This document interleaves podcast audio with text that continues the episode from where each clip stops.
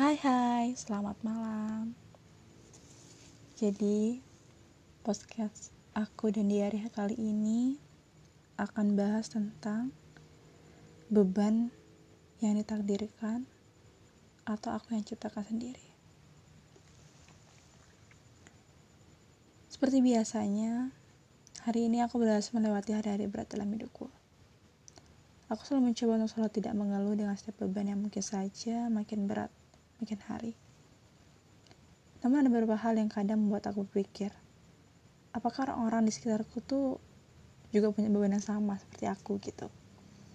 Aku buka Instagram, buka WA gitu. Kayak teman-temanku tuh bahagia banget gitu.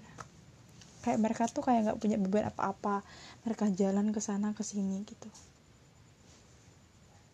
Tapi aku berpikir lagi. Mungkin aku tuh lagi di masa yang di mana tuh aku memang harus dibuat kuat dulu gitu. Masa di mana kayak aku tuh harus belajar menghargai waktu dan menghargai apa yang terjadi dalam hidup aku. Mungkin kalau lebih simpelnya kayak lagi di masa-masa pendewasaan. Aku tadi inget banget kalau misalnya ada beban tuh pasti aku mikirnya gini. Aku Dulu masih kecil pernah jatuh dari sepeda. Lutut berdarah, siku berdarah. Aku juga lupa pas itu sakitnya kayak gimana. Tapi kalau dibayangin kayaknya pasti sakit banget sih. Nah, perumpamaan beban tuh ya kayak rasa sakit itu gitu. Beban ini akan berlalu dan akan aku lupain rasanya gimana gitu. Tapi ya gitu, kadang otak tuh nggak mau kerja sama gitu hati ini udah kuat-kuat nih. Hati udah bilang untuk bisa melihat semuanya dari segi positif. Tapi nggak bisa gitu kadang why why why? gitu. Kenapa harus aku? Kenapa? Beban itu kayak datangnya ke aku gitu. Kenapa nggak orang lain aja sih? Aku juga bisa capek gitu. Aku kan juga masih menyelesaikan beban yang satu kenapa beban yang satunya lagi datang. Nah hingga akhirnya tuh aku pun e, berpikir ini beban yang ditakdirkan atau aku yang ciptain sendiri gitu.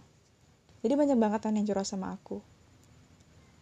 Aku hari ini kayak gini bebanku kayak gini aku capek loh put. Aku capek kayak gini kayak gini. Aku mikir lagi ternyata benar. Beban itu ada dua yang kita ciptakan dan yang kita ditakdirkan yang ditakdirkan saat kita kan lahir di keluarga kita nggak bisa milih kita uh, lahir di keluarga yang seperti apa. Beban apa yang mungkin kita hadapi kita kan nggak pernah tahu gitu ya. Tapi memang benar pas kita udah dewasa tuh kita bisa milih.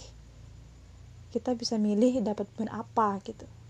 Kayak misalnya gini kita ada tugas itu kita bisa bagi tugas sama teman-teman kita tapi kan kita nggak mau mikir kayak mereka tuh kerjanya nanti kapan ngumpulin tugasnya kapan mereka mau nggak dengerin ide-ide kita.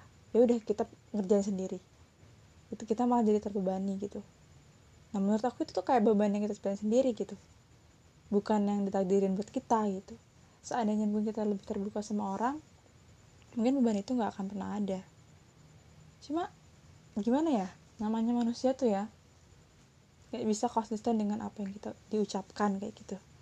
Mungkin ada yang bilang ah, enggak aku nih orangnya konsisten. Aku orangnya selalu nepatin atau mungkin sudah dengan perencanaan kayak gitu.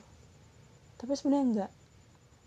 Akan ada waktu di mana kita tuh pasti kayak melanggar rencana kita sendiri gitu. Karena kita nggak nggak pernah bisa memprediksi ke depannya kayak gimana gitu ya.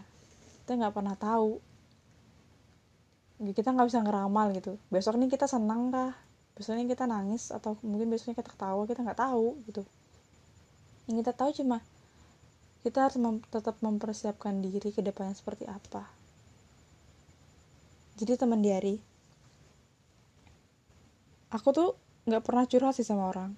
Mungkin kalau curhat tuh cuma hal-hal dasar aja kayak misalnya capek sama beban tugas capek sama beberapa masalah ini dan itu gitu tapi kalau permasalahan kayak bener-bener kita uh, alami itu ya kita simpan sendiri kan kadang. Karena menemukan seseorang yang mengerti apa yang kita rasakan itu sulit banget gitu. Soalnya zaman sekarang tuh kayak lo lo gue gue gitu. Kamu masalah kamu ya masalah kamu bukan masalah aku gitu. Jadi jarang banget bisa ketemu orang yang bisa e, ibaratnya tuh kayak nerima beban kita. Bukan cuma bilang sabar ya sabar ya ada jalan keluarnya kok. Tapi orang yang kayak bisa tahu apa yang harus diucapkan biar kita tuh bisa keluar dari beban itu atau mungkin kita bisa tahu kalau beban itu bisa selesai karena kita gitu. Karena kayak cuma kata-kata sabar ya kayak gitu. Itu nggak bisa ngubah apa pun gitu. Kita akan tetap ngerasa kalau kita apa ya ibaratnya kayak ngerasa beban itu nggak bisa hilang kayak gitu. Jadi teman-teman menurut aku kalau kita mem memperbaiki mental kita memperbaiki cara berpikir kita tentang beban ini diciptakan atau ditakdirkan kita harus menemukan orang yang bisa mengerti tentang beban itu. Jadi kalau kita mau curhat kita harus harus tahu nih orangnya seperti apa dulu.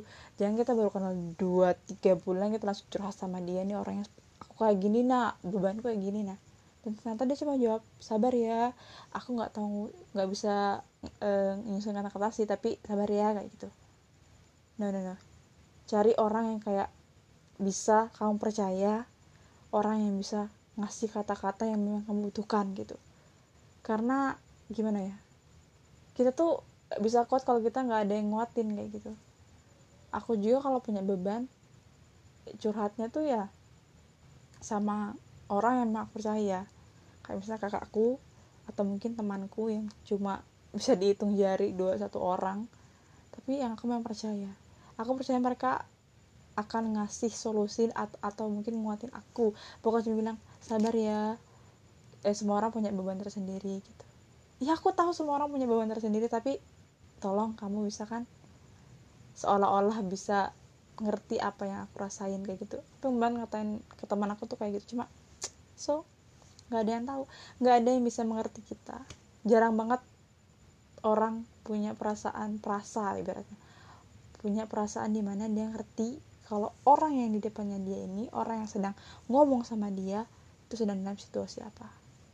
Jadi kalau kalian udah punya teman yang kayak gitu udah punya teman yang perasa banget pengertian banget bahkan mentingin kalian daripada urusannya dia pertahanin.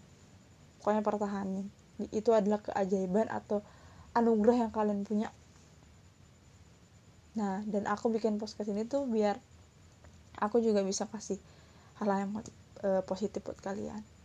Yang di mana aku tahu kalau kita bisa kita bisa ngelewatin berbagai permainan-permainan yang gak berloken di dunia ini. Besok kita jadi seseorang yang sangat-sangat wow keren ketawa sana sini bahagia sini sini. Tiba-tiba malamnya kita nangis guling-guling di kasur segala apa. Kita nggak pernah tahu apa yang akan terjadi di menit berikutnya di jam berikutnya atau di hari berikutnya. Tapi yang kita tahu kita bisa mempersiapkan mental kita untuk ke depannya seperti apa. Oke okay, itu dulu podcast kedua dari aku. Maaf banget kalau panjang banget ya. Semoga kalian nggak bosan semoga kalian mau menjadi pendengar setia aku di kala kesepian yang melanda diriku ini oke okay. Dah, selamat malam. Thank you. Aku sayang kalian semua.